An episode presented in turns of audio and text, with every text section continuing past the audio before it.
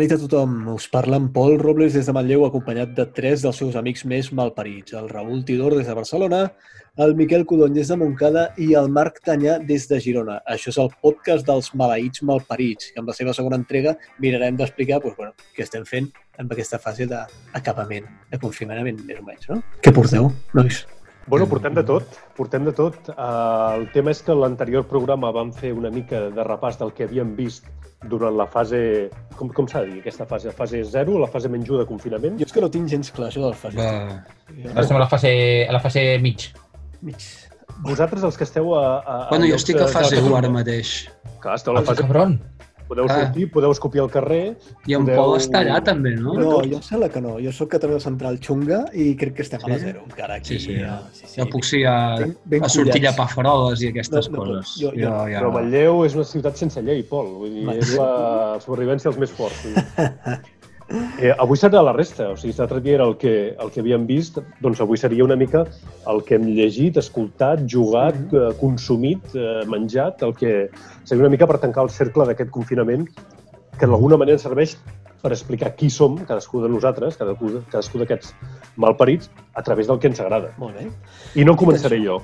Ah, perfecte. Doncs, Miqui, Molt bé. Eh, dic les coses que he vist, dic les coses que he llegit i llavors podeu preguntar el que més us interessa, potser. Jo portava, d'una banda, diverses coses. Uh, dos pel·lis d'acció, una de bona i una de molt dolenta, molt bé, molt bé. d'acord? La bona és eh, Extraction Tyler Rake. Aquesta està molt, molt, molt guai, uh, amb l'equip de, jo diria que d'Avengers Endgame. Molt xula. Aquesta és una pel·li que jo crec que val la pena comentar. Eh, um, és una Mhm. pel·li d'acció que, que no vol fer res més que entretenir, eh? però jo crec que està molt, molt, molt ben feta. La dolenta és Bloodshot amb el Vin Ah, Diesel, Vale, que uh, bueno, la porto per comparar, eh? Això és una pel·li bona, això és una pel·li dolenta. Molt dolenta, no la veieu. El còmic era entretingut, jo la vaig veure per això, perquè el còmic m'havia semblat no exactament bo, però que es podia llegir, tenia coses xules i totes les coses xules que té el còmic, la pel·li passa d'elles directament. I, Ja. Quan dius el còmic, quina etapa vols dir exactament? Al principi o el Jeff Lemire? Al principi, jo em vaig llegir al principi. No, no me'n recordo fins a on. és- Em, vaig llegir, em vaig llegir molts. Em vaig llegir molts. No me'n recordo fins a on vaig arribar. Sí. No sé si voleu parlar ara, que alguna Sí, cosa home. m'interessa. Sí, sí, sí, clar. Per exemple, el Tyler Rake, que has dit Distraction, i saps que està basada en un còmic dels germans Russo, per Està exemple. basat en No, un no, còmic, no idea. Ciutat, de Land de Parks, Ah, que jo no he el llegit. còmic. Sé quin és, he vist imatges i és el que anava a dir. Jo he vist imatges, no l'he llegit, no puc jutjar, no m'ha inspirat molta confiança. No, no, no, no que no t'inspiri, perquè jo sí que l'he llegit i és curiós, els germans Russo, si, ho- si us ho penseu una mica, han fet una mica com van fer els germans, ara germanes Wachowski, que és, abans de fer Matrix, eh, el seu projecte era fer-ne un còmic. Ah, això no Mm. sé. És curiós, no? Com de vegades la història es repeteix cíclicament perquè està clar que els, els Russo, que venen també de fer sèries, venen de fer comèdies a la tele, venen de fer Community, que és una gran, gran sèrie, que si no Sí, heu vist bona. recomano. Eh, van prendre's aquella mm, còmic, aquella novel·la gràfica, si voleu posar-vos excelsos, com una mena de camp de proves per fer el que han acabat fent a Extraction, que està bastant, bastant, bastant millor. La pel·lícula, que és el que estaves dient, Miqui, que no té més pretensió que entretenir, Ah, i, guai, i clar. millora el seu origen, millora el seu origen. És, és recomanable com a pel·li d'acció. Vale, em podeu explicar una mica de, de què va aquesta pel·li? Quina mena, quina mena de pel·li d'acció és, a banda de que L'explicació és senzilleta, eh? No té...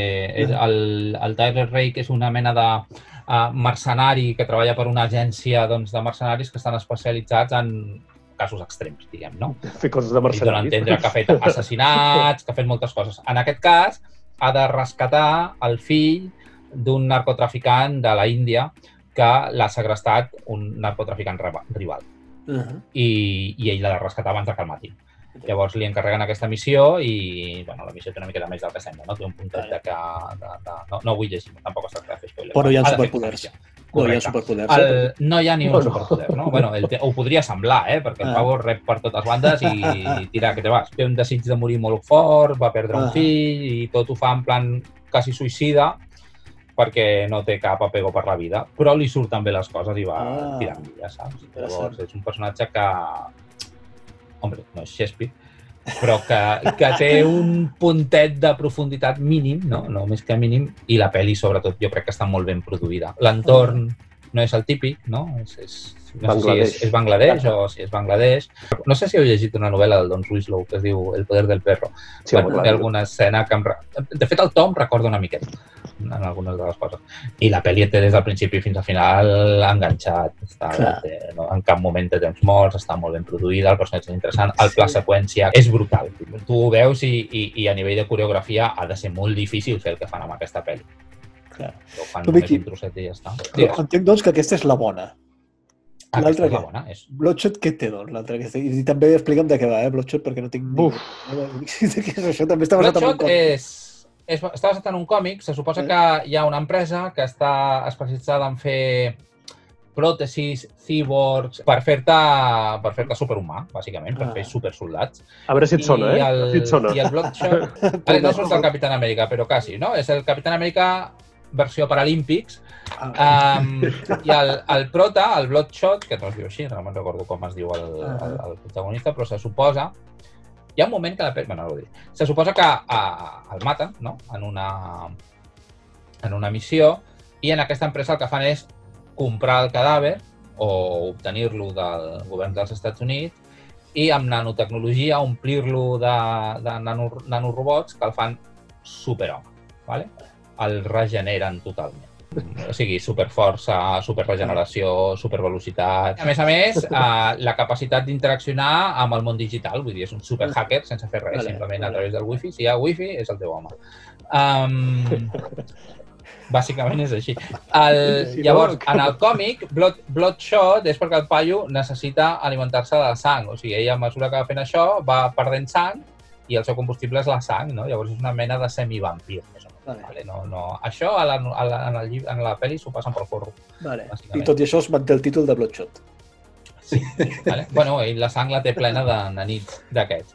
Bueno, I llavors hi ha una mena de trama oculta quan descobreixen com l'estan, diguem, fer fer les missions que ha de fer, que és l'únic punt d'interès que té la peli. O sigui, hi ha com dos minuts que dius, calla, que això encara serà guai, però passen els dos minuts i, i ja veus que no. no ho és. Que no. Hòstia. Jo la vaig acabar de veure perquè, mira, vale? de fet aquests dies, eh, així en plan xungues, o que esperava que fessin xungues, vaig veure molt seguides aquesta i la de Harley Quinn, la de Aves de Pressa, Ah, vale. Què tal? i mare va ser una sort... No, uf, no, uf, no. O sigui, uf en el sentit de que sí, uf, vale? Okay. Jo n'he llegit bones crítiques. Però eh? si has vist primer Bloodshot i Vale. després veus com vaig veure jo És una meravella. Pressa, és una meravella.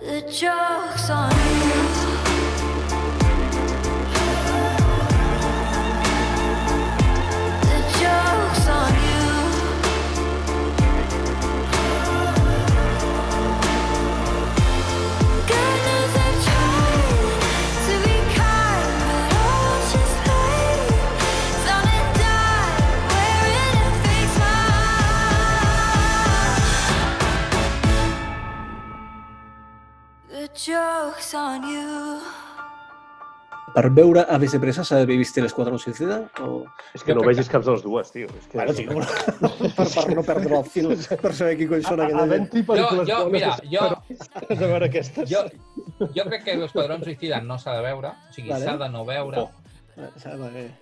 Però que aquesta es pot veure. Aquesta, si l'enganxes un diumenge a la tele i no tens la fer, no? que mira-la. no, que si, si, vens de l'after i estàs de ressaca, Vale, vale, sí. estàs No, impedit. no, no, és, no és una pel·li que et vulgui fer arrencar-te els ulls. Bloodshot sí, l'Esquadrón Suïcida també. Aquesta... Saps quin és el problema de Bloodshot, personalment, bromes a part? Que és que no és una pel·li que adapti un còmic de Valiant, que és el que hauria de ser, sinó que és una pel·li de Vin Diesel, bàsicament. Vale. Correcte. és, és, aquest és el principi i la fi, perquè el còmic, eh, el còmic és, es va crear als anys 90 i era, bàsicament, és Lobezno i el Castigador igual a Bloodshot. Puntos. Sí, sí, sí, sí, és així. És És que així. no té més. Però la, el reboot que han fet recentment, recentment parlo de 8 anys enrere, No, hi ha una no- etapa que, si podeu llegir-la, si us, evidentment, si us interessa el gènere, el guionista és el Jeff Lemire, el de Descender, i Ascender, uh, Black Hammer, Gideon Falls, un dels millors guionistes de còmics de l'actualitat, va fer Bloodshot Salvation i abans Bloodshot uh, Reborn, i és super interessant, cosa que demostra que no hi ha personatges dolents, sinó que hi ha guionistes dolents. Però aquesta pel·li és el que diuen aquí, que és un desastre. Sí, sí, és un desastre. Que, que, que, que jo ho sabia, eh, quan la vaig començar a veure. O sigui, va ser ben bé per dir, bueno, va, vinga, a veure, va, a veure, a veure què em trobo. A mi m'ha sabut greu, eh? Perquè jo sóc lector de Valiant, d'Exo Manowar, que no té res a veure amb el grup. Sí, ho dic. eh, l'Eternal Warrior, eh, els Harbingers, vull dir, trobo que són personatges que dins del cànon superheroic mm, han tingut bons guionistes. Però és que això és un desastre màxim. No ho perdeu el temps amb És una, és una pena, és una peneta. També he vist, i és una mica atípic, però sabeu que aquests dies de confinament molts teatres, tant aquí com al Regne Unit, han fet, a més em penso que un poc també l'avís, que diré Sí. ara, a, al Regne Unit han, han obert musicals i obres de teatre durant períodes de temps determinat que es podien veure amb alta definició, amb subtítols molt ben filmades. En aquest cas, la que jo he vist és el Frankenstein del Danny Boyle, ¿vale? la fan al National Sí. Theatre amb el Benedict Cumberbatch i el Johnny Lee Miller. Um, bueno, m'ha agradat molt. Tinc algunes crítiques, no tot m'ha agradat, però m'ha agradat molt. Jo sóc Ah. un fan de la novel·la, és una novel·la una mica fetitxe per mi, com Dràcula, i, i la veritat és que m'ho he passat molt, molt, molt bé. Era una bona oportunitat de veure-la amb, amb tele una mica gran i ben gravada, amb alta definició, donat que em serà impossible veure-la mai al teatre en directe, doncs guai. I llavors tinc dos, dos novel·les, una que l'estic acabant i l'altra que l'estic acabada, ja la tinc acabada, que en algunes coses s'assemblen, ¿vale? una m'agrada molt i l'altra em sembla correcta, entretinguda. La que m'agrada molt és... La, la vaig esmentar l'altre dia. The Southern Book Club's Guide to Slaying Vampires, Sí, no? El, sí, el, sí. La guia del club de lectura sureño para matar vampiros, de Grady Hendrix. Molt guai. Molt guai. Ja empatem. Més, més em val, perquè I- l'he demanada. L'he Ah, encarregada. Sí, correcte. Vale. A veure si parlant te'n faig desdir una mica, eh? però bé. I l'altre és el... L'altre la, la llegia amb moltes ganes perquè m'agrada molt l'edició i, i ara faran una sèrie que tinc ganes de veure. Abans en Pol, fora d'antena, em preguntava si alguna sèrie esperàvem, no? Jo espero el Lovecraft Country de HBO Ah, i ara estic sí. llegint el llibre. El llibre és del Matt Ruff i, bueno, és, és com una... dintre d'una ambientació lleugerament, de moment, tampoc ens passem Lovecraftiana, eh, doncs li aporta una lectura racial que és interessant. O sigui, no crec que sigui un llibre molt, molt profund, crec que és una mica episòdic, vol entretenir i això ho aconsegueix. Jo n'esperava més, la veritat és que Vale, jo n'esperava vale. més, Vale. però no em sembla una mala novel·la, tampoc. El tema de Lovecraft Country, Ah, que Sí. està començant a generar rum-rum de fons. Clar, és que té una paraula al nom que ja genera molt hype, molta expectació, però alhora pot ser una mica un efecte retruc, no? Que és la paraula Lovecraft, evidentment. A mi m'agrada, al principi, la novel·la, el, la conya que fa de el, les referències que fa al gènere, no? al gènere pulp en general, no només el Lovecraft. El Rice Barrows, el Heinlein, Howard. l'Asimov, el Bradbury, vull que són uns friquis, no? ah, uh, que llegeixen de tot, no? però són uns friquis que són de raça negra en un moment en què era fotut ser de raça negra. I es troben dintre d'una trama sobrenatural que es va desenvolupant molt a poquet a poquet i que jo crec que, clar, guanyarà importància, però que és una miqueta un pretext. I, de fet, l'edició que jo tinc, que no sé si és la que tens tu, que és la- l'edició... Està traduït al castellà el llibre, eh? Territorio Sí. Lovecraft.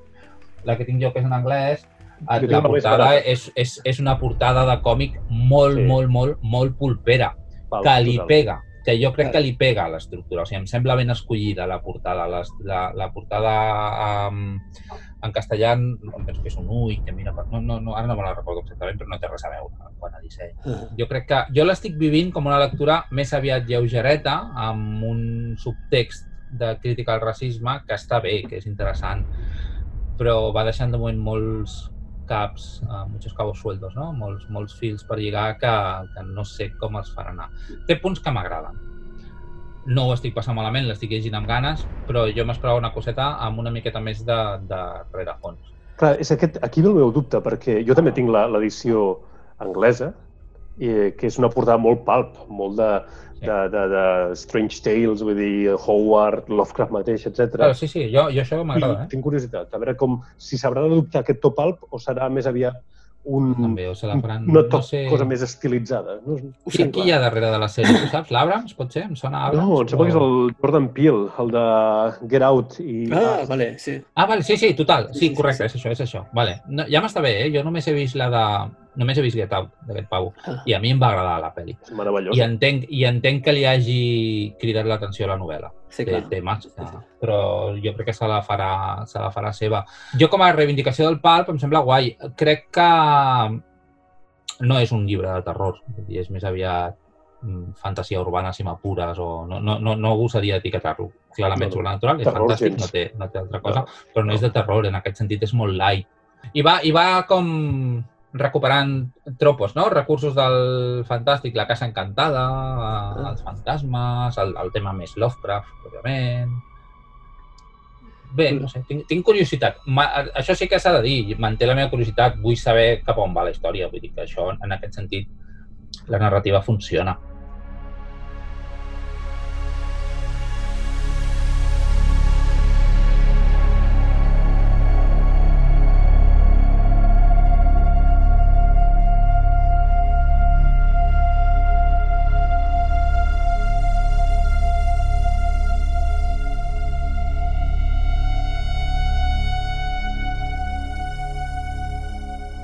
Sé si en vam parlar l'altre dia, però uh, has estat al cas del nou tràiler de Dune, l'adaptació que farà el Denis Villeneuve? Sí, he vist imatges, no he vist el tràiler, uh, tinc molta curiositat, a mi el Denis Villeneuve m'agrada, fins i tot m'agrada la de Blade Runner, que tothom la posava a parir, a mi em sembla bé, la pel·li aquella. Uh, I Dune és una, la novel·la m'agrada molt i no té cap... No hi ha cap versió que a mi m'encanti, llavors tinc curiositat. És una pel·li que espero amb ganes. Apunta molt bones maneres, és que amb aquest director és difícil vull dir que no apunti bones maneres. Però, hòstia, Dune, la del David Lynch, Ah. ha envellit com, com si et deixés uns canelons a, a, a fora de la nevera, eh? Vull dir, és una... Això la ciència-ficció audiovisual ho té, no? La que és molt basada en efectes especials és molt difícil que envelleixi bé. No, però, però, però a part, és que aquella pel·li té, té coses tremendes. De fet, de Dune fins ara la part més recomanable és el documental sobre la pel·lícula del Jodorowsky, la que no es va fer. Ja, sí. No heu vist aquest però- documental, eh, Corret Insensatos, és un gran visionat, perquè és en Jodorowsky completament desquiciat fent una pel·lícula eh, Giger, vull dir, Dalí fent d'emperador de la galàxia, vull dir, és acollonant, o sigui, el raro és que s'hagués fet, però és, és molt, molt, molt, o sigui, super recomanable. I És una novel·la complicada. és que, de fet, t'ho preguntava perquè jo, quan uh, jo sento la paraula Dune, em, em veniu al cap tu i el teu pare. Sí. Més el meu pare que jo, eh? El meu És pare que- és, és, és un Que obsès. fins i tot li agradaven les altres. Li agradaven les Li agradaven totes, li agradaven totes, les he llegit diverses vegades, les té anotades des que m'has fet, jo no, jo me les he llegit una vegada, Quantes ah, n'hi ha? les, doncs? les, les seves. Ja ni ho sé, jo crec que me n'he llegit set, però igual, Set, però igual hòstia. són quatre. o cinc. Uh, i, després, I després hi ha les que va escriure el fill. fill amb el Sí. correcte, que Ah. jo ja ni m'hi he- ni he apropat ni ganes. No, no, n'hi ha un pal. Me costo jo allà. Clar, les novel·les... jo recordo molt la primera i a partir d'aquí se'm desdibuixa i se'm barreja tot. Que de Dune, que- cas- casa capitular... literàriament no m'atreviria a valorar-les ara, eh? però tenen idees, vull dir que en el moment que van sortir era un tipus de ciència-ficció que no s'havia fet abans, era molt ambiciosa. Jo entenc que en el moment que es va publicar Dune la primera vegada, si t'agradava la ciència-ficció, flipessis amb aquell llibre. Clar. Jo suposo que devia ser una mica com llegir en el seu moment El senyor dels anells, en certa Correcte. manera. Eh? Sí. De dir, què és tot això? O sigui, no sé si és una Clar. fumada bestial o una obra mestra, però no he llegit res com això abans. Clar, i, i a vegades aquest tipus de llibres, i jo crec que això aplica també al Senyor dels Anells, fan de mal valorar retrospectivament. És molt fàcil dir ara que el valor literari del Senyor dels Anells és baix, que hi ha molta gent que ho diu. Uh, però, clar, era una cosa original, vull dir, no, no llegeix-lo aleshores. Original, original fins a cert punt. Sí que hi havia gent fent fantasia èpica i potser el senyor el Tolkien ha tingut una influència desmesurada, no et dic que no, eh? I, i... Però, bueno, en tot cas, això no és culpa del Tolkien, això és culpa dels que després l'han copiat. Mm, Mm. i del seu fill. Que... Que el cel sigui, el cel sigui. El cel sigui. Jo són llibres d'aquells que estic content d'haver llegit, de, que m'hagin agradat d'adolescent, perquè potser ara no els disfrutaria tant. Clar. No, jo, tu, jo crec que tu comences a llegir ara en sec El senyor dels anells i el que comencen a cantar i a descriure les plantes et cagues... llava. Vamos. Jo hi ha llibres, que, o pel·lis inclús, que li estic fent veure a la meva filla ara, Sí. perquè vull que les vegi sense cinisme, saps? I, Ara. i sense haver-se exposat a segons què. Sí, la història interminable, per exemple? Sí, aquestes pel·lis que... Sí? Vale.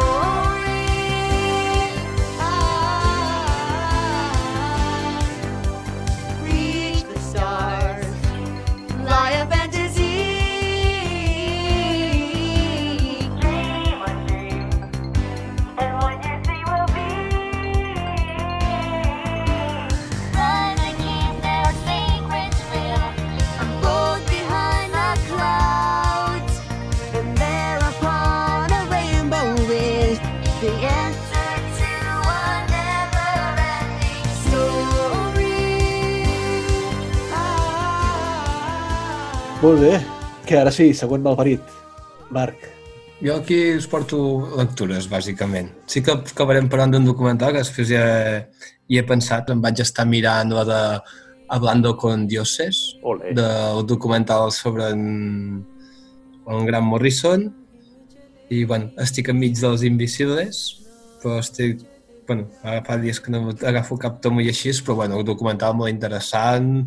A base d'entrevistes t'explica una mica la trajectòria i com comença amb el mundillo, com va fent i a partir de que, bueno, amb els invisibles és quan diu que es comença a comportar com una estrella del rock, que aprofita per viure la vida perquè havia estat molt tímid i allà es deixa anar, no? Ja es va aplicant més de la màgia, que ell ho diu, que ho del Invisibles és com un gran sigilo, que és el que li passava i ho plasmava al còmic, i ho del còmic li retornava a la vida real, bueno, és, és una amalgama, i el documental és interessantíssim i està, està molt bé. On es pot trobar Una aquest documental? El, A YouTube el Jo- tens. Vale. Vale. Jo el documental no el coneixia, com dius que es diu? Uh, Hablando con dioses, Talking I- with i- Gods. Vale, així. eh, jo del Grant Morrison havia llegit un llibre que potser algú de vosaltres l'ha llegit, que es diu Supergods, no? Sí. Super... Supergods és uh, una barreja de biografia, autobiografia del Grant Morrison, barrejat amb la història del gènere de superherois. A mi aquell llibre em sembla brillant. És a dir, Ah. m'ho vaig passar tan bé, Hòstia, perquè a més a pues- més hi ha una, progr hi ha una progressió des de que uh, quan és més llunyà a ell, guai, molt informatiu, molt interessant, i a mesura que es va apropant a la seva època, es va tornant una, una maruja uh, totalment ple de prejudicis i de manies i, i l'efecte de les drogues i això que es va, va perdent, es va, se'm li va anant la pilota al llibre conforme va progressant però sent meravellós. O sigui, disfrutes com un camell rient del... Jo, jo m'ho vaig passar. És un totxo, eh? Però vaig disfrutar com un animal amb aquell llibre. Les reflexions que fa com a del gènere de superherois com la última mitologia mm, creada i Sí. és, és, és super lúcid, el que passa que és això, és, se li en va, se li en va, és el cervell No, li jo, va. jo és, és un dels llibres d'assaig sobre còmics que més recomanaria, sense dubte, però amb la seva idiosincràsia. O sigui, és un llibre que, que Sí, sí, sí. Arriba un moment que és, que és, que és el gran Morrison donant rienda suelta a totes les seves manies, que està superguai. O sigui, que no, no és una crítica, eh? Però... Com Los Invisibles. El documental, a més, eh, t'explica justament l'episodi que és l'espurna que fa saltar els invisibles. Més, la suposada adopció alienígena a Katmandú, ni més ni menys. En un hotel que jo conec. Per mi és com el això, eh? pròleg ideal, eh?, per llegir els invisibles. Ah. Ho dic en sèrio. És el pròleg ideal perquè un cop que coneixes a tota la persona pots atrevir Ja a entrar en això. Els m'ha fet pensar en un còmic que es diu Supergods, que és d'en Warren Ellis, que és on totes les potències van creant el seu, el seu propi déu, el seu superhome, i que acaben tots amb una, bueno, amb batalles campals i, i d'unes nacions contra les altres que van enviant el seu superheroi que s'han fabricat, no? A, a, mesura, a partir de, de la tradició que tenen com religiosa o folclòrica, eh, barrejant amb alta tecnologia. Pues interessant. Sí. Buscaré el documental, eh? Tinc, tinc ganes de veure. Espera, me l'apunto. a partir del docu així tenia bueno, uns llibres, que, uns còmics que encara no he pogut tornar a la biblioteca. Hòstia. Un, un és Joel Bárbaro, d'en Grant Morrison i dibuixat per Sin Murphy, que és, una, bueno, és un xaval que té eh, atacs hipoglucèmics, són quan tens sucre, i ha de baixar a baix al, al sòtano de casa seu perquè s'ha quedat a les fosques. I tot això es va barrejant amb un món de fantasia, que al final no acaba sabent si està a casa, si no, i fa tota aquesta mescla. És una aventura, una aventura bueno, La història, la història carrers... interminable, eh? La història interminable mica. en versió Gran Sí, té aquesta cosa de que el nen va tindre com... No sap si són visions o ho està vivint en real, però que hi ha coses de la casa, moments de quan parla de la foscors perquè se li han anat els fondos i és com una batalla... Bueno, són batalles d'aquestes èpiques de grans eixos de vida o mal i el xaval s'hi troba enmig simplement perquè um, o li canvia l'estat de consciència o coses d'aquestes a partir de, de tindre el sucre baix. Un dibuix d'aquest... Bueno, el dibuix està molt bé. És molt... No és de pets, a vegades aquests de superherois són tan encursetats, és molt àgil, molt... Ah. Està bé. Llavors, a la biblioteca encara tinc Regreso al mar, d'en Satoshi Kon, que és l'autor de Perfect Blue, Paprika i tot. Sí, jo, jo com a com a mangaka no el conec, només el conec com a... Jo, bueno, de és cine això. M'agrada molt. A la biblioteca vaig enganxar un, al seu moment un d'històries curtes, que també té un peu així amb la ciència-ficció, vas també... Bueno, ell ho diu, quan surt de, de col·laborar amb l'Otomo, una mica se li noten certs temes similars que a vegades toca tant com ara amb tecnologia, mig ciència-ficció i tot. I això és una història llarga de, d'un poble de mar que, que per tradició tenen un huevo de sirena. I que hi ha tota una tradició de que allò va vindre del mar de veritat, que és un ou de sirena i tot, i les especulacions immobiliàries que comencen a remenar tot el poble. I, eh, i amb la història aquesta s'impliquen els tres joves, el fill del que guarda el, la sirena i dos amics seus. I l'últim és un el que se'n coneix com pastitxes d'en Sherlock Holmes, que Sí. són històries no del canon oficial, que està escrita per la filla de, de l'Alan Moore. La Lia Moore. Ah. Hmm. El Sherlock Holmes i el juici de Sherlock Holmes. Bé, es podria dir que és la història típica de, de l'habitació tancada, en el qual només hi ha el mort i en Sherlock Holmes. I en Sherlock Holmes el pillen amb el Hi ha molta revòlver a la tradició, mà. no?, de pastitxes, de fet. Sí, jo desconeixia, va saber que s'havien fet coses, però desconeixia bastant i a través d'algú del Facebook o així es, es veu que hi ha, bueno, literatura i literatura, poder més coses escrites de pastitxes que no pas del canon pròpiament d'en Conan Doyle. Quan era més jove, de les coses que vaig començar a llegir molt així quan era relativament petit, jove, havien set moltes històries de Sherlock Holmes i això, mira, bueno, sempre em fa gràcia, però Quina era la teva preferida? correcte. Mm? Quina era la teva preferida? Hòstia, havia llegit molt... Més que les novel·les, els contes, els contes, recordo més. Recordo quan vaig agafar el, el primer, el de l'Esca- eh, d'Escarlata, que hi ha tota la part que explica la vida del taxista, que allò en aquell moment em va semblar com... Saps? Que m'està parlant de- d'això ara, saps? No, no em ve gens de gust. Jo és l'únic és l'únic que he llegit, eh, l'estudi en Escarlata. I després, com a novel·la gran, l'altre que he llegit és el Ghost dels Baskerville. Les altres, em sembla, són dos més. Aquelles tampoc les he llegit. Han tingut una versió en còmic que em van regalar en algun moment, del signe dels quatre, Mm. i ja no sé quin és l'altre. És que hi ha, mo- hi ha molts, eh? O sigui, de còmics, de novel·les, pastissos. Sí, sí. Sí, sí, sí. És ja t'ho dic, possible, no? i és tot un mundillo que, bueno, Hi havia hi ha el Sherlock Holmes a Barcelona, de fet n'hi ha dos a Barcelona, hi ha la de Sherlock Holmes i el Necronomicon, hi, hi ha la tira i alguns són molt recomanables, eh? concretament aquest que dius de la filla de l'Alan Moore no, no he tingut el plaer, però, però, però hi ha cosetes, eh? i cosa, coses dignes, perquè és un personatge... Bueno, una mica Ah, també ok. enllaçant amb el, del, amb el que dèiem del Grant Morrison, Sherlock Holmes ha transcendit, és un personatge de la cultura popular. No, sí, sí. I Bueno, només des del moment que ja l'ha de fer reviure, perquè si no linxaven amb ell, ja dona acte de, de on ha arribat, no? De, de quin calat té el personatge. Molt bé. Vull fer un altre incís. Endavant.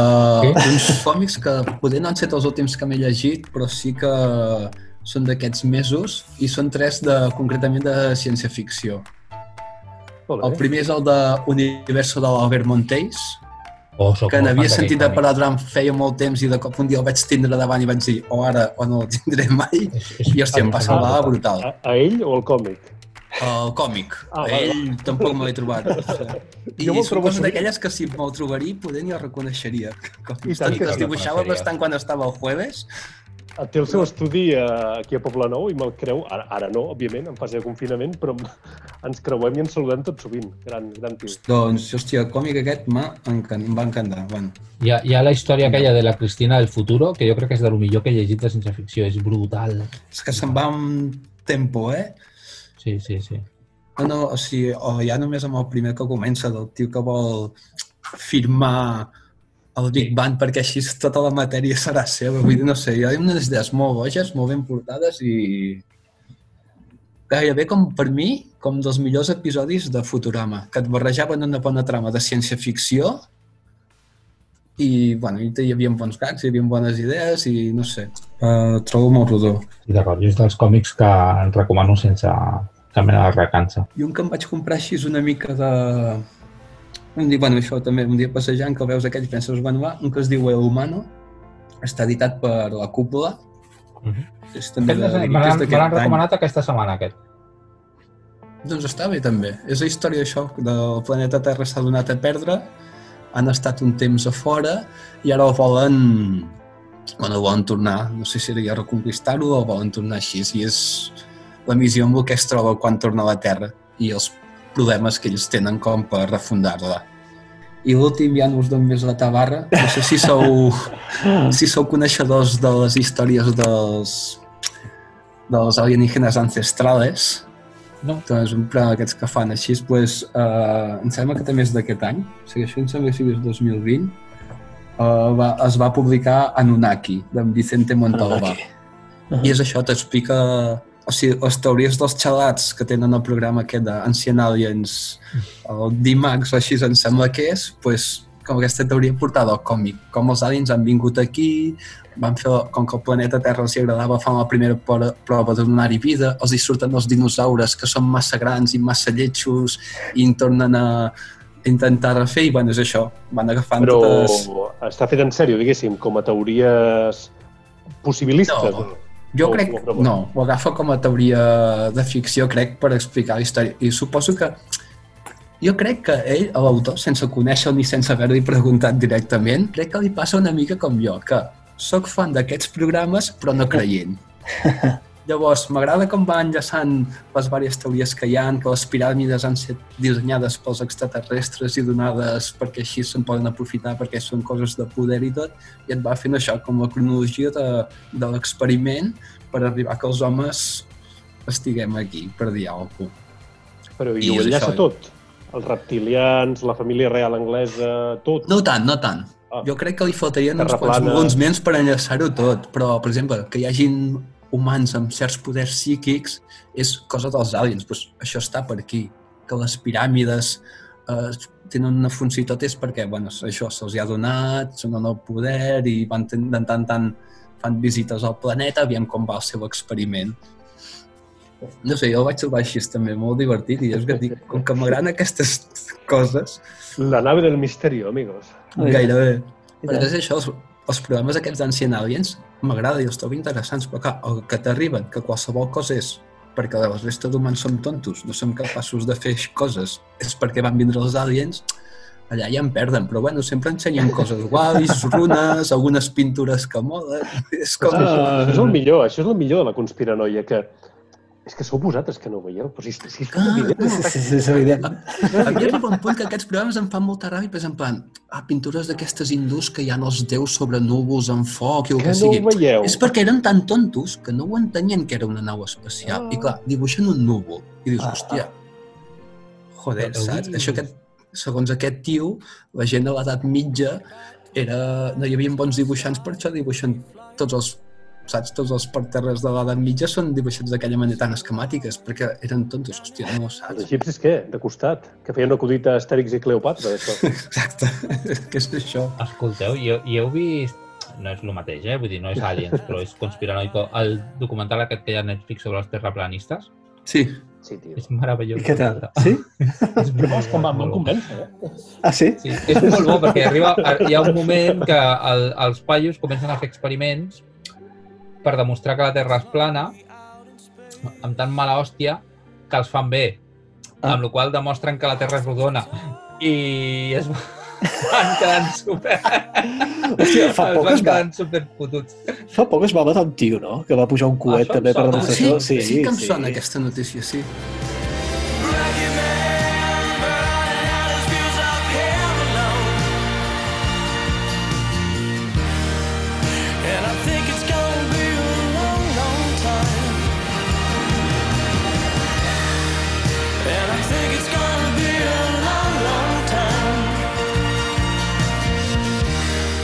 Jo us porto videojocs, eh? Avui vaig per una altra manera de, de cultura, tios. Us porto tres, tres jocs que he jugat últimament. Tots tres del mateix gènere, per això m'he currat una miqueta la selecció, eh? I dic, home, de fet, un l'estic rejugant ara mateix. El gènere aquest és una cosa que, que, que es, eh, se li ha dit Metroidvania. El Metroidvania surt arrel del Castlevania, en vam parlar l'altre dia, que Castlevania Symphony of the Night és el que van inaugurar això. És una barreja entre eh, l'horror gòtic d'aquests Castlevania de sempre amb el tema del Metroid. Metroid, que és una exploració, o sigui, és un joc de plataformes, però eh, no lineal, diguem. O sigui, has d'anar aconseguint poders per poder superar eh, X zones, eh, tot això. De fet, els jocs que he jugat i els que us porto aquí són jocs uh, indies, o sigui, són jocs que no han fet grans companyies, que s'han fundat tots tres per Kickstarter, i la qual cosa doncs, també fa gràcia. O sigui, perquè jo el que em trobo últimament és que quan jugo un AAA d'aquests, un joc d'aquests amb s'hi han abocat tants calés i han estat tants a fer-ho, doncs, hòstia, no és el mateix. No em diverteixo tant, jo, almenys. A veure, el primer, potser us sona, és un que es titula Bloodstained, The Ritual of the Night. És un joc que va fer el, el va engegar el productor del Castlevania Symphony of the Night mateix, un tio que es diu Koji Igarashi, la gent el coneix com a Iga, i aquest tio va fer un... Els amics, els El amics. Iga, el el Iga de tota la vida. Tu us diga, no? És uh, confiança. Doncs encara podríeu pescar el vídeo que va fer aquest tio per, per recaptar calés a Kickstarter, surt ell mateix amb una mena de castell eh, medieval de cartropedra i diuen, hòstia, voldreu No. més enemics? Doncs més enemics. El tio ja amb màquines de tortura i tot, s'ho va currar molt. El tio, de fet, és un tio molt extravagant. és un tio que podria ser com jo, amb barret de cowboy, que a vegades l'estiu també em porto, però no, podria ser com, com a liga, no? En fi, aquesta gent van demanar per fer el joc mig milió de dòlars. Com I Sí, mig milió, mig milió de dòlars per fer un I els joc van treure? com el Castlevania, doncs en 4 hores ho van superar, tios. El primer dia van aconseguir un milió i mig de dòlars. Tu, collons. Al final de tot el Kickstarter van aconseguir com 5 milions i mig.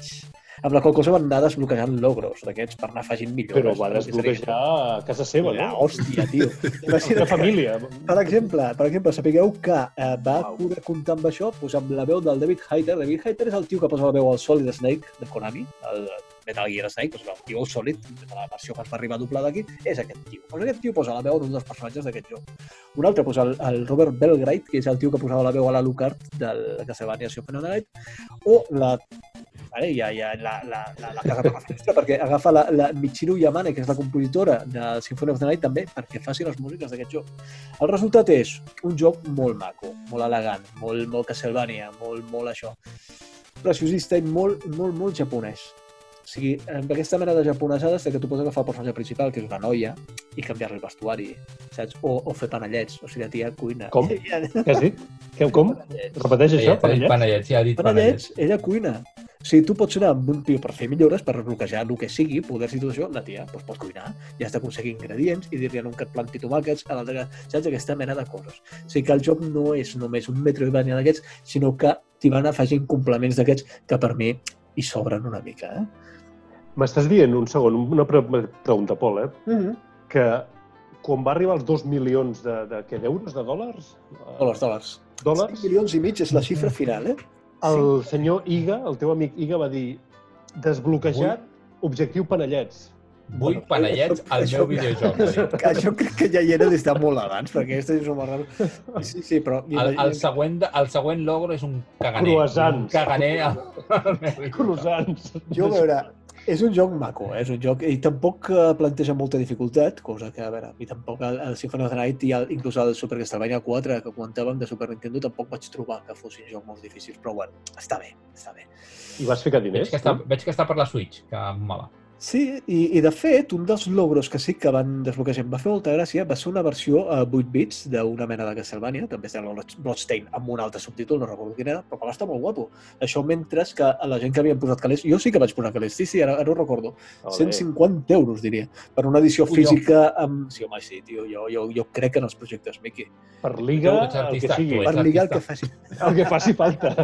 Jo soc mecenes, soc mecenes, hòstia. I, bueno, doncs això, ja per esperar... Joc a- a- físic. T'ha arribat físic, ja? Jo soc, sí, home, i tant, i estic jugant. Aquest, aquest l'estic rejugant. I Però, estic però, notant però, coses. però podia jugar-lo online, vull dir, no tens... Vull dir, vull dir per Home, ja, però sigui. si ja que poses calés amb un Kickstarter, doncs, hòstia, Però, doncs, tio... arribat forma. l'objecte, la, la, la, Arriba la, objecte firmat per aquest tio, si vols. Per Liga, el en persona. No és el cas, eh? Però sí, si vols, si poses pasta, te'l firma. Te'l porta ell. A partir de 10 milions... Vestit en Te'l porta. kimono. Vestit, en kimono, collons. No, però bueno, si, si ara, ara el miro amb uns altres ulls el joc aquest i dius, home, eh, cutreja una mica a vegades. O sigui, en les Home, cutreges per aquestes... 150 euros a mi també em cotrejaria, probablement esperar, tindria unes expectatives molt altes. No et pensis, eh? Bueno, sí, pots, però bueno, Tio, en fi, 5 milions no hauria crut... No, home, no, no. Doncs, tio, cotreja. O sigui, hi ha les cutscenes d'aquestes, les parts d'aquestes són sota els personatges que, sí, en 3D, que, que fan cinemàtiques per explicar-te doncs, de què va aquella història, i collons, que havien però començat. podria estar millor, eh? Podria estar... En fi. Però li has Següent donat joc. feedback? Li has donat feedback a Liga? A ell, Iga, tio, sàpigues que... No, I encara, encara van publicant coses, aquesta gent, eh? O sigui, encara van tenir millores. O sigui, perfecte, benvinguts siguin. Els que han pagat ho rebem gratis. No, però bromes a banda, eh, estic amb tu, Pol, que tots aquests jocs, eh, diguem-ho així, indies, mereixen tot el respecte del món, eh? perquè Sí, la sí. resta és una cadena de muntatge molt bèstia. Sí, ara us parlo de dos més i uh, eh, el següent joc divertidíssim ja vaig començar amb aquest confinament també, coincidint amb Setmana Santa. El joc es titula Blasphemous. Blasphemous està fet per una gent que es diuen The, The Game Kitchen, de Sevilla, uns sevillanos, que han fet un joc basat en tota la imagineria de la Setmana Santa. Sí, senyor. Però, tio, un espectacle d'hòsties, també. Ja. Està molt bé. A més, és un joc en pixel art. Hòstia, però està molt bé. Aquí es basa molt en pintures negres del Goya. De fet, inclús el, el personatge principal que portes és una mena de, de tio, de màrtir, amb un capirot, com aquests de, de, les, de les processons de Setmana Santa. I, bueno, la idea està en això, doncs, en repartir hòsties a tort i a, i a dret amb figures crucificades, nens Jesús amb els ulls cosits, com és una barbaritat. Es titula això, Blasphemous. Uh, tenint en compte la música, també. La música d'un tal Carlos Viola, eh? molt, molt, Que l'hem fet a servir a les partides de rol, per cert. Imagina't el Raül, digue-li tonto d'aquest. S'està fent partides de rol amb música de i he detectat el, el, el Bloodborne. Eh? És un joc en comparació amb l'anterior, amb el Bloodstain, doncs, molt més exigent. I que Ah. agafa eh, dinàmiques d'aquesta mena de jocs, de Bloodborne i, i Dark Souls i tot això. En fi, ja sabeu si hi heu jugat, són jocs exigents. I si et pelen, tens la possibilitat d'anar a buscar el teu cadàver per recuperar tots els punts que havies fet, més o menys. Tercer i darrer joc, i el millor de la llista que us porto ara, i l'he descobert gràcies a un col·lega també que em va dir, hòstia, aquest no te'l pots perdre. Metroidvania també, també joc independent, aquí el firma una companyia que es diu Team Cherry, d'Austràlia, i el joc es titula Hollow Knight, el cavaller buit. Pues és molt guapo. És molt Aquest- guai. Sí, aquest té una estètica molt més de Tim Burton, més de, de muñequitos així, com més sinistre, però, uh, hòstia, és molt, molt, molt exigent en aquest cas. La història va com d'insectes, va tot de, del submón, i portes un personatge això, que l'has d'anar millorant, però a base de sang i suor. Eh? Tu te l'has passat, Miqui? No, no, jo he jugat poc i juga molt la Clàudia, la meva filla gran. Um, I jo l'he provat i em posa... I l'he provat un dia, eh? Fa igual una setmana que el tinc. Uh, em posa molt nerviós, em posa molt nerviós, no perquè no m'agradi, si, si dediqués temps m'hi enganxaria, Ah, sinó per la sensació aquesta de que cada vegada que em despisto caic per un forat, estic quatre pantalles a baix i ja no estic on estava i he de tornar a començar, saps? nerviós. Em posa, molt, em posa els nervis, sí, sí, sí, però em posa els nervis eh, perquè el joc està ben fet, vull dir que, que trobo que és molt xulo i Per mi- he tingut el temps de... Per mi, aquesta és la mena de, de jocs que tenen aquest equilibri perfecte de dificultat. O sigui, si tu corres, no et mataran pas. O sigui, ja, ja te'n sortiràs, ja faràs. Sí, sí, Inclús sí. jo me l'he passat i m'han quedat moltes coses per descobrir. Però hi ha coses d'aquelles de ficar-hi els collons, realment. O sigui, el coliseo de los condenados. Alguna cosa així es deia, hòstia, no vaig poder passar-me allò. A més, no, no sé en quina plataforma hi jugues tu, jo hi jugo amb la Jo Switch. Play 4, Play 4. Vale, i es presta molt al mode portàtil de la Switch. Mm. Superguai a la tele, però, però s'hi juga molt bé amb el mode portàtil. vale, vale. Tot i que te'n vas a vegades a buscar el píxel, eh? O sigui, aquella distància que Ja. guanyes amb l'espasa i tot allò, hòstia, és, Sí. No em diguis. molt Això, això, això passa molt amb un joc que, que a mi m'ha superat, però a la meva filla se l'ha passat, que es diu Celeste. Hòstia, I no. que, hòstia puta, és un joc també de plataformes que Ah. jo crec que és... Jo no sóc molt gamer, eh? però és el joc més difícil que he jugat Me en la vida. l'apunto, me l'apunto. Reto aceptado. És d'aquests, a més a més, amb, amb, estut, amb estètica molt retro, no? molt, molt pixel art. Uh, dels millors jocs de plataformes que he jugat en 2D, però molt, molt, molt difícil.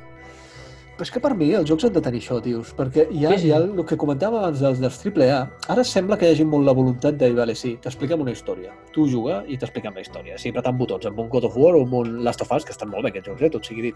Però, collons, aquesta mena de, aquest repte, no? aquest desafiament que ha de tenir el joc, hòstia, per mi, jo prefereixo aquesta mena de jocs. Sí, sí, que m'he muerto 15 veces per passar-me aquesta tros de pantalla, però hi torno, no? Perquè amb el Wii, sí. heu, heu jugat al Sekiro? On heu sentit a parlar? Sí, No, clar.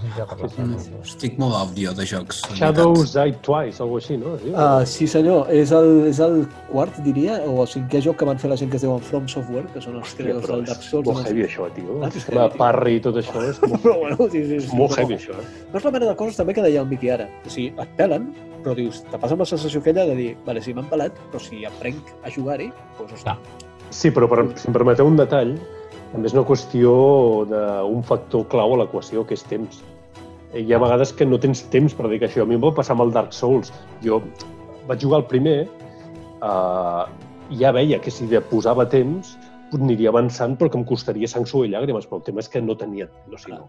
És una mica el que em passa a mi. Sí, És com clar, que La, tot. la Clàudia insisteix i se'l passa. I jo bueno, dic, bueno, a tomar pel sac, vaig a llegir una estona, saps? I, Per això ens passava amb els jocs de Super Nintendo d'això en el seu moment, que és una qüestió de I prioritats. deixaves a ratos. Anar a l'arcade cada dia quan sorties de, del col·le i ja t'anaves Hores. passant aquest. Sí, sí, clar. I anar-li fotent models de 5 duros i ja no vas passant allò. Bueno, perquè aprenies, és un factor clar. d'aprenentatge, no? Tu et La vas, aprenent, et vas aprenent el joc, correcte, i arriba un moment que tens els reflexes. Jo, jo veig la Clàudia jugar a vegades i és purs reflexes.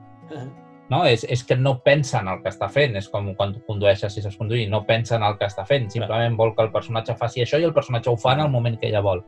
Com, com el És sonar. arribar en aquest punt. Com el solen. Escolta una cosa, Pol, i, Digue'm, i la, la, la pregunta al milió. I has Ah. ficat diners també, aquest, aquí? El... Pues no, però a veure, a, a Home, tots els he comprat, tots els he comprat en format físic, perquè jo us dic, jo sóc un friqui del format físic. I és això, i apa, estic xapat a l'antiga, tios, que voleu que us digui. Sí, prefereixo, prefereixo pagar, pagar 40 o 45 euros i que m'arribi un joc amb una caixa al cap de mig any o així, que no pas dir, hòstia, pagar-ne 20 per un joc digital, a mi em sap molt, em sap greu. No. Doncs, eh, no, a veure, no, no crec que hagis de patir perquè el, el format per col·leccionista, per frics i tot això està, jo crec que està garantit. El que, el que passa que el futur digital dels Segur, jocs... Eh, sí, sí, sí. a la que, a la, bueno, mira, és que està a la cantonada, eh? Però sempre hi haurà el factor col·leccionista, fetitxista, que això, home, Liga eh, té necessitat. Liga necessita els nostres calés, tio. Veure, té, té, jo crec que té un avantatge, Les despeses. però més enllà del col·leccionisme, que és evident, és un factor, el factor físic té un avantatge de, clar, que és el, el factor Witcher que li deia ara, que és que em compro el Witcher. Witcher, el Witcher és una merda, doncs el penso canviar. O sigui, el penso canviar. A la que trobi algú que me'l canvi, té el Witcher, dona'm el que sigui No, a canvi, Witcher. saps? En canvi, si, si te l'has comprat digital, te'l menges amb patates. tens. Allà el Ei, al tens. tanto, ara us diré una cosa que me'n vaig entrar fa poc i, Ei, i ei. si ja passo el torn a, a Raül. Uh, és que uh, hi ha jocs, que això em fa molta gràcia també, tios, per tots els que diuen no, no, format digital, format digital. És com, el, com uh, hi ha alguns jocs de rol també en format digital que han desaparegut. Intenta comprar ara les màscares de Nia Razón de, de, de Edge, no es troba enlloc. Per Eh? exemple, un joc... Uh, no es troba, no es troba. O sigui, aquella empresa va, diu, no es troba. Ara, el, un joc... Que m'ho demanin a mi. El, com es diu aquell? El Scott Pilgrim contra el Mundo? Sí. Sí. Es va fer un videojoc basat en el còmic, un videojoc per Play 3, que és un joc de l'hòstia, en plan beat 'em up, o sigui, com un Final Fight o Streets of Rage. Això ha desaparegut, també. O sigui, es va poder comprar per un temps, però ha desaparegut. Per tant, jo tinc una Play 3 amb allò. És com el tràiler, us deu sonar del Hideo Kojima, de, del, del Silent Hills, el, el, el, PT, el Playable, el Playable Trailer aquell, això ja no existeix. Si ara hi ha gent que es ven la Play amb aquella cosa instal·lada, per una pasta considerable. O sigui, jo tinc una Play 3 amb Pilgrim instal·lat. O sigui, m'es- m'estan dient... O sigui, Pol, m'estàs dient que la- tu posseixes un Scott Pilgrim i un original de Liga a, ca- Això, al mateix A lloc. casa teu. Entre d'altres uh, riqueses, eh? Sí, Estàs aquí, és la, la cúpula, eh? La cúpula del trueno. sí. Mare de Déu. Molt bé. Sí, senyor. I ens fas a visitar el ganivet de curiositats de Pol Faré pagar Robles. entrada per entrar a casa meva, Sí, tio. sí, millor que el del Guillermo del Toro. Yeah,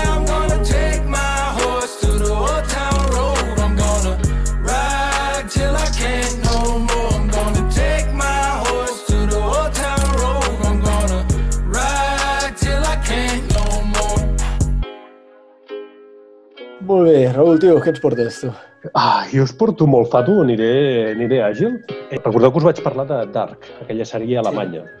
Uh, jo mateix vaig fer la referència a Stranger Things i realment em cago en mi mateix i en tota la gent que ho ha comprat amb Stranger Things. Vull dir, perquè la segona temporada em va semblar excepcional. Uh, em vas Ah. passar a Miqui l'altre dia el tuit que s'estrena la tercera justament quan s'ha d'estrenar. Per la gent que hagi vist la, la sèrie ja sap per què aquella data, que és ara al juny. Eh, em sembla brutal, o sigui, em sembla que de Stranger Things res, o sigui, perquè tinc una part dels anys 80 i nens en bici no, té, no hi ha més, i vistes a les dues, eh, us puc dir que us la recomano, que la veieu, que la torneu a veure, és, per mi és 100% Donnie Darko, amb Ah. aquella foscor, aquells 80 foscos, aquella metafísica que no saps...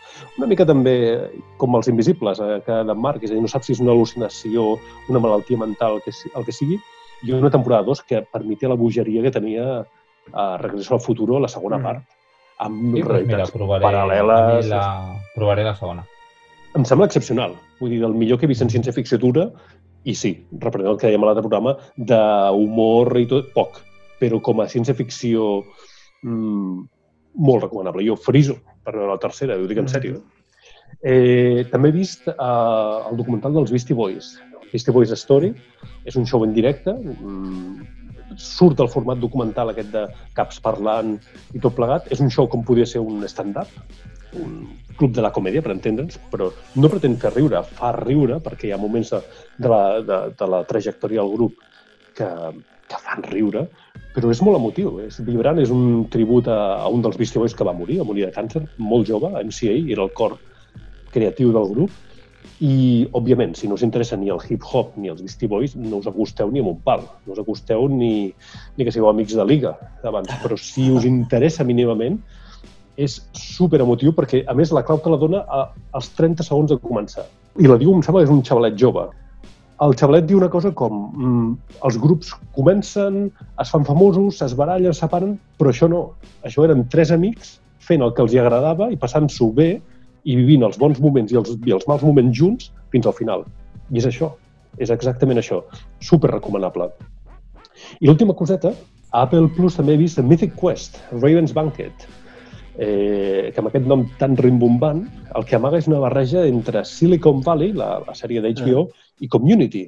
Eh, D'un fet, mm, qui hagi vist Community veurà cares conegudes. Aquí és ni més ni menys que una empresa desenvolupadora d'un MMO, un joc multijugador de rol online.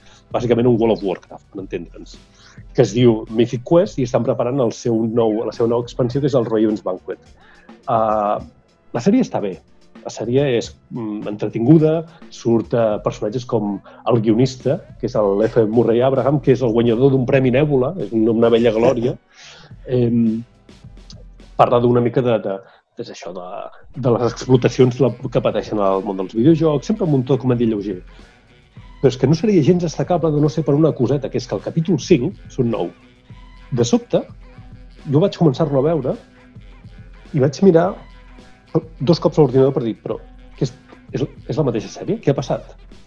De sobte, el capítol 5 t'explica la història d'una parella, una parella, un noi i una noia, des de l'any 1993, es coneixen en una botiga de videojocs, fins l'any 2006. I on tota la història està completament desconnectada de la resta de temporada. És una parella que crea, s'enamora, i comencen a crear un videojoc que es diu uh, uh, Dead Quite Death. Uh, és com una mena de Doom, per entendre'ns, on no pots guanyar mai. I es tracta de veure fins on sobrevius, però no pots guanyar mai, no hi ha armes, d'acord? Es com- És un joc indie, comença a veure com l'empresa comença a créixer, comencen a rebre injecció de pasta, els comencen a punxar per fer adaptació d'una pel·lícula i fan una pel·lícula claríssimament reminiscent de les pel·lícules Resident Evil de, les que, de la Mila Jovovich que van fer als anys 2000, que seria un equivalent a Bloodshot, que dèiem abans. I fins i tot hi arriba un moment de...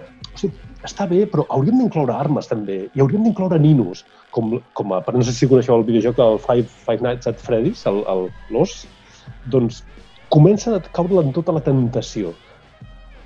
I és una mica com la, l'ascensió, el poder, l'ascens al poder de tota aquesta parella i el preu de la fama i quin, quin preu paguen. I l'oficina que aquesta empresa va ocupar és la que ocupa la resta de personatges de la sèrie.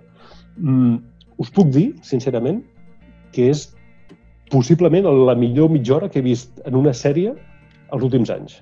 Collons, com has dit que es titula, Raül? La sèrie es diu Mythic Quest, Raven's Banquet. I, i és un molt, molt... La sèrie en si està bé. No, no és res de l'altre món, insisteixo. És, possiblement Silicon Valley és millor. Si voleu saber més sobre mm, com funcionen els videojocs, doncs hi ha dos llibres. Un que ja li vaig recomanar en Paul fa temps, que es diu Masters of Doom, Maestros del Doom, que és la història del John Carnac i el John Romero, els creadors del, del Doom. Hi ha un altre que no s'ha editat aquí, de Masters of Doom, per cert, eh, se'n farà una sèrie, si tot va bé, perquè és, és, una, és una història acollonant. Encara que no us interessi el Doom, ara que està tan en boga amb el Doom Eternal, I en John Romero encara està fent jocs, eh? Sí, sí, sí, en John, en, en John continua. I l'altre es diu Blood, Sweat and Pixels, que és la història real de com es van fer videojocs com el teu estimat Witcher, per exemple, Miki, el Sí. Diablo 3, el Dragon Age Inquisition, el Uncharted 4, el Destiny, un famós Destiny, etc. Tot això està contingut a Mythic Quest d'una manera molt lleugera, molt community, però aquest capítol, el 5, us, ho- us ho dic sincerament, eh, em sembla la, la història més humana i més absolutament mm, simple, però alhora honesta que he vist en molts anys a la tele. Uh -huh. I a nivell de lectures us puc dir que he llegit l'hòstia. he llegit moltíssim, no entrem tot, ni molt menys. Uh, per exemple, estic uh, en ple procés de relectura de Hellblazer, però vist que ha generat interès aquí quan en parlàvem, doncs, primer de tot, mm, Hellblazer és com una sopa de galets espessa, vull dir, s'ha de, s'ha de consumir amb calma i en parlarem quan, quan tots tinguem la lectura més, més avançada. Però, bueno, uh, entro en feina. He rellegit tot Sandman, Neil Gaiman. Mr. Sandman, bring me a dream. Make him the cutest that I've ever seen. Give him two lips like roses and clover. Then tell him that his lonesome nights are over. Sandman. L'heu llegit, Sandman? Jo he llegit Sandman i estic No començant a sencer, llegir no sencer. Quina opinió en teniu? Hosti, del seu moment em va agradar... Bueno, del seu moment i crec Sí. que ara. Em va agradar molt. Sí, a mi m'agrada molt, moltíssim. Jo no l'he llegit sencer, m'ha agradat molt la mitologia que crea i, i crec que en el moment que va sortir era molt diferent, vull dir que tenia un punt d'originalitat molt gran, però fa molts anys que el vaig llegir, no sé... Suposo... Jo crec que ara pensaria el mateix, eh? però perquè no em costa fer aquest salt de dir... Clar, no el compararé amb coses que s'estan fent ara, no és injust, no és una comparació injusta. Uh, però em guardo un molt bon record. Però no sé com evoluciona la sèrie, no sé quina progressió fa. Doncs comença i s'acaba, que això és la, és la part interessant. No? Això, això és guai. En general, això... eh, I no és broma, el que acabo de dir. favor. I s'acaba, precisament, uh, s'acaba, Sandman té 75 números, dels quals els últims, tranquil·lament, 10-15 és un, és un epíleg. Uh, tot el, el velatorio de Wake és, és, és, és un epíleg, completament. I jo crec que Sandman uh, va saber esquivar la bala que no va saber esquivar, per exemple, uns quants anys després Fàbules, que és una altra gran sèrie, però que justament casualitat o no, a partir del capítol de la- de l'entrega, el còmic número 75, va eh, seguir endavant, no? Tothom va estar-hi d'acord. I ja en parlarem en el seu moment de fàbules. En el cas de Sandman, jo us puc dir que tenia pendent la relectura des de fa anys, em passava com vosaltres. M'ha quedat molt clar que és una història que va d'històries, el somni com una metàfora de la capacitat de la, de la humanitat per imaginar, per crear, on brillen molt la mitologia que deies tu, Miqui, però sobretot aquí m'ha agradat molt, és com curiós, les històries d'un sol capítol les històries autoconclusives, cosa que en el seu moment fins i tot algunes, entre cometes, m'emprenyaven. Perquè volia veure més d'en Morfeu, els Eterni i tot això. Uh -huh. Aquí he disfrutat moltíssim les històries de Shakespeare, Ramadan, Calliope, 24 hores, que és com una història de terror en un diner americà. Sí. La convenció d'assassins en sèrie m'han al·lucinat. I en general em queda clar que és una reacció claríssimament cap al mainstream del còmic de superherois d'aquella època. I està plegat constantment d'això. Vull dir que veu, està en connexió, comença en connexió amb, amb Constantine Hellblazer, veu de Swamp Thing claríssimament. O sigui, és una, la influència de l'Alan Moore és, és, és, és, és descomunal. Els hits, per mi, mmm, continuen sent... M'agrada molt tota l'arrencada, moltíssim. Uh, M'agrada molt, per exemple, a la casa de Nina, tota l'arrencada, quan ha de fer, va a l'infern i tu t'esperes que es baralli amb el dimoni, que a més és un dimoni creat per l'Alan Moore, si no el recordo malament, el Choronzon o alguna així, i fan un concurs d'enginy a dins a sobre Hosti. l'escenari. O l'est- o l'estació de boires. El Morpheus baixa a l'infern i tu t'esperes que tingui una confrontació brutal amb Lucifer. I què passa aquí? I no és cap spoiler. Just arriba i Lucifer li diu, mira, que passo de tot, que me'n vaig. Aquí tens les claus de l'infern, apa, adéu. Va- Estic fart d'estar en aquest lloc. M'ha agradat molt, super, super interessant lectura, uh, sagues com Estació Boires, Vides breus amb la Deliri, La fi del món, a Game of You em continuen semblant les parts més fluixes de, de la cadena, que no dolentes. Game of You per massa allargada, la recerca de la identitat, a les bruixes i tot plegat. la fi del món amb històries, i va passar una cosa molt, molt curiosa amb les benèvoles, Uh -huh. Kindly Ones, que és el primer cop que la vaig llegir. De fet, és la conclusió de la història, eh? perquè uh, The Wake, la vella, és només l'epíleg. A mi no m'agrada gens, les benèvoles, perquè no m'agradava el dibuix del Mark El dibuix a mi em va encantar, eh? O sigui, em va costar entrar-hi, però després, hòstia, tan quadriculat... Hòstia. A mi he trigat més de 20 anys a entrar-hi. és a dir, clar, comparat amb el dibuix del Michael Zulli, la vella, jo És pensava, un altre estil, una altra cosa. però és que és l'adequat per aquell moment, perquè és la cosa més solemne, és un enterrament. És un enterrament que, de fet, és un enterrament i alhora una benvinguda, I tant. Perquè no pots matar el somni. El somni és una idea, com diuen al còmic, és un canvi de perspectiva. Uh, però Mark Hempel, que és aquest dibuixant que diu en Paul, amb aquests traços tan simples en aparença, però que amb dos traços et defineix una figura, m'ha semblat absolutament brillant. Brillant, i m'ha encantat. I justament eh, el que he vist és que en aquell moment hi havia gent com el Bruce Timm, el Darwin Cook, que no sé si el coneixeu, el, evidentment el Mike Allred, eh, Steve McCloud, l'Steve Root en Nexus, que crec que t'agradava molt al seu moment, Mickey, en Phil Hester, tota aquesta gent obrien aquesta estètica molt més cartoon, per dir d'alguna manera, que s'allunyava completament del que és el mainstream de, justament de Marvel i DC d'aquella època, recordeu, eh? Jim Lee, Rob Liefeld, tota aquesta gent. I si tu ara veus el Rumble, Headlooper, uh, gent com el Chris Samney, tota aquesta gent, li diuen molt. El Bruce Timm, Darwin Cook, el Mark Hempel, tota aquesta gent. Mm, super, Sandman, uh, molt recomanable també per ser l'obertura. No és una cosa alimentícia, ni gens ni mica. Si no l'heu llegit, brutal. I, I per mi és la gran, juntament amb la primera minissèrie de, de Muerte, l'Alto Coste de la Vida, que no la segona, Ah, eh, jo crec que són les, les, les altres coses, juntament amb una cosa que ja en parlarem en el seu moment, que és el spin-off per mi el millor que ha tingut, que és Lucifer, de Mike Carey, que és una gran, gran, gran sèrie. Eh, després d'això, mm, curiosament he llegit eh, tres cosetes que estan, tenen ambientació als anys 50. Uh, una d'elles no en parlaré, és de Fade Out, que és de, de Led Brubaker i el Sean Phillips, perquè jo crec que aquesta gent mereixen que en parlem un altre dia de, de totes les coses que han fet, de Criminal, de, de Fatal, de Kill or Be Killed, Incognito, Sleeper, són molt grans. Però les altres dues, curiosament, hi ha una que té connexió amb el que he dit ara, que és el Darwin Cook, que és La nova frontera. Coneixeu aquest còmic, de New Frontier? Sí. És uh, aquest de DC, de, com, de Sí. superherois? Sí.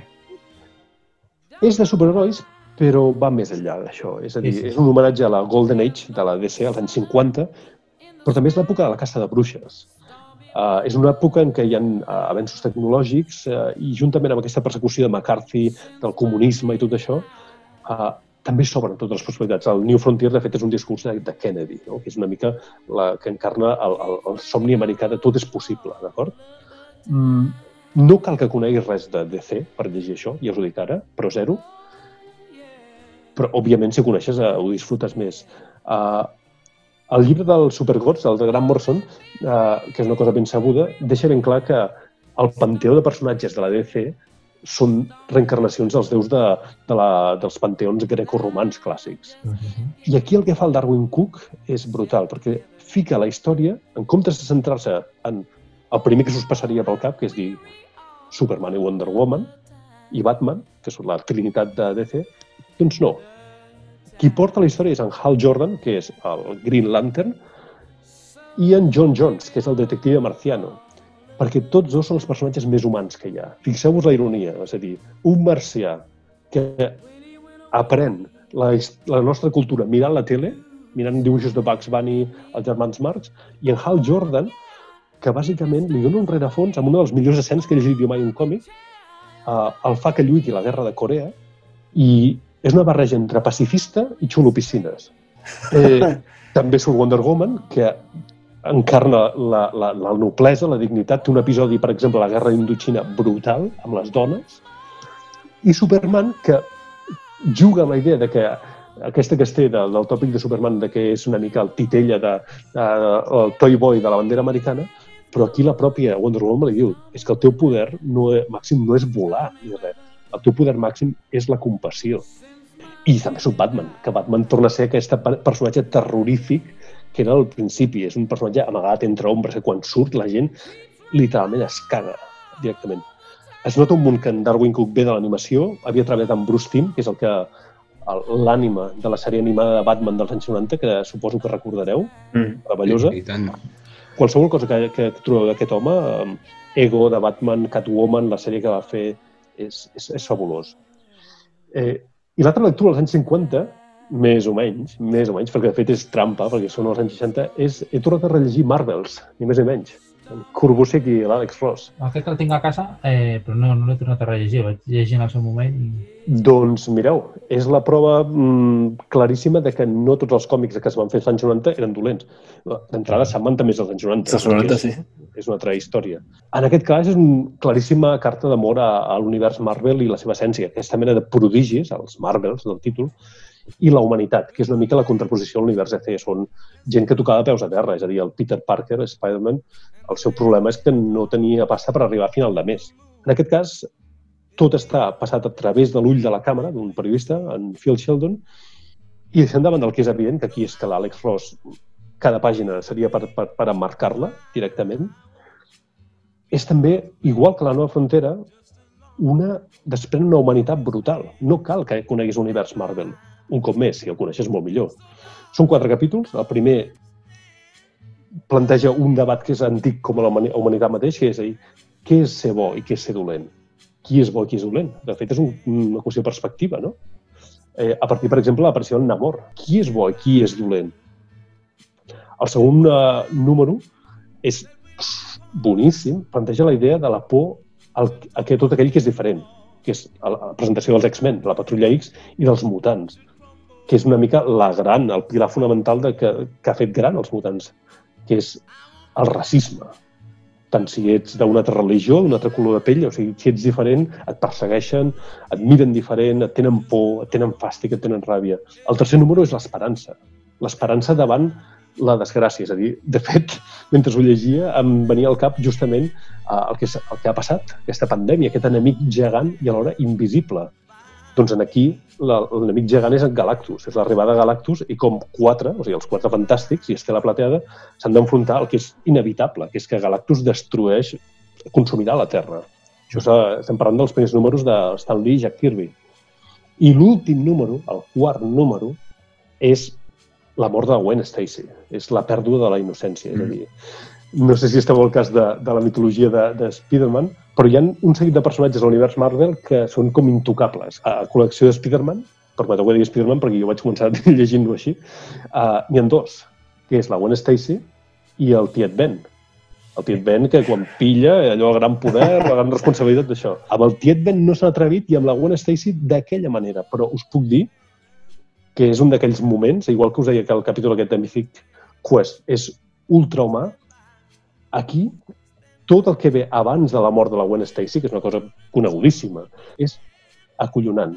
O sigui, molt, molt recomanable. Molt recomanable. Tres finals i ja remato i acabem. Eh, Lock and Key. Super recomanable, dos volums, Joe Hill, Gabriel Rodríguez, com deia abans en Mickey, elements eh, clàssics de terror, la casa encantada podia ser eh, la Hill House de la Shirley Jackson, les, el Pou, fantasmes o objectes, un còmic perfectament pensat pel format còmic, amb pàgines que només es poden fer en còmics. Per exemple, hi ha un capítol que està fet amb estètica de Calvin i Hobbes, d'en Bill Watterson, eh, i una adaptació a sèrie absolutament lamentable, que traeix completament l'esperit de la sèrie, que és plantejar-te una història molt dura, de moments superdurs, eh, però amb una, justament, igual que amb el Darwin Cook, que estem dient, amb una estètica gairebé infantil. Et crea un cortcircuit al cervell que, que no saps per on, com agafar-lo. Al principi està passant això. La sèrie ho traeix. Està molt dulcificat. Tot això, el còmic, història tancada, dos volums, super recomanable, tot pensat des del principi, mm, per mi, de les millors còmics que, que he llegit els últims anys. L'altre és Extremity, Extremity, del Daryl Warren Johnson, barreja de Ghibli, concretament de Nausicaa, Mad Max, però passat pel filtre de Moebius o Tomo, em refereixo. Té el món post-apocalíptic de Mad Max, però molt més amb una estètica i amb una mena de narrativa semblant a Nausicaa, el viatge a l'heroi el fa una, una noia, precisament, i tot el que és el grafisme és eh, una narrativa mm, molt semblant al manga, però el manga de l'Otomo, que el manga de l'Otomo alhora bevia molt, moltíssim del còmic europeu, Mm. concretament de Moebius. I concretament Nausicaa bevia molt de Moebius, també. I concretament la filla de Moebius es diu Nausicaa en un, com a homenatge a Nausicaa. O sigui, és tot com un cercle, un peix que es mossega la cua. I apunteu-vos el nom d'aquest senyor, Daniel Warren Johnson. Eh, està fent ara una sèrie de, de Wonder Woman, una sèrie limitada, que també passa en un món post-apocalíptic, però la sèrie que va fer abans es diu Murder Falcon, que espero, jo la tinc en anglès, espero que s'editi aquí en castellà, i és una història de monstres i heavy metal. Què pots fallar? Què pots fallar? Sí, sí. Super recomanable, Extremity, en castellà esgotat, Mm. mm. va tenir una tirada molt petita, no sé, molt curta, no, no entenc per què. En anglès es pot trobar. Són 12 números, minissèrie, comença, acaba, tot plegat. I per acabar, la pregunta del milió, quan la gent em, eh, veu que tinc el passatge, doncs tinc Thomas Marvel i tal, i em diu, i de la Marvel actual què llegeixo? Us puc dir que els últims dos anys, i a més ho teniu ara una en integral i un altre està editant eh, en grapa, però també es pot trobar en integral en anglès, hi ha dues sèries que, independentment de si us agrada o no el gènere de superherois, transcendeixen el gènere, me'ls he llegit aquest confinament i són unes autèntiques meravelles.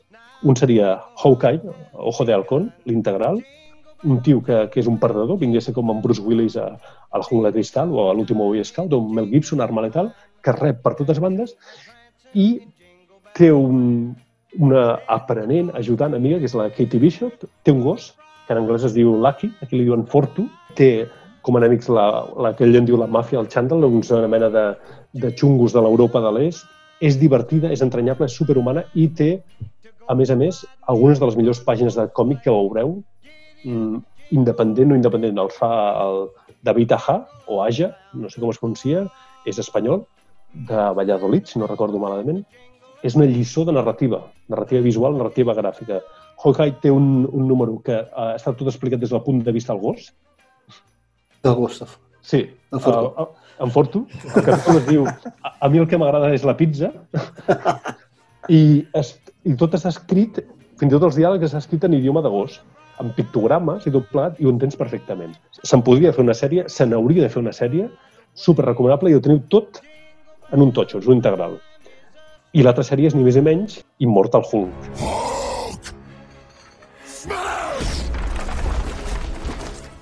No sé per què, no sé si us passa, en aquest cas tu, per exemple, amic, i tens nenes, en Hulk és un personatge que agrada molt als nens, perquè com que destrueix sí. coses i fot hòsties, doncs això està bé, no?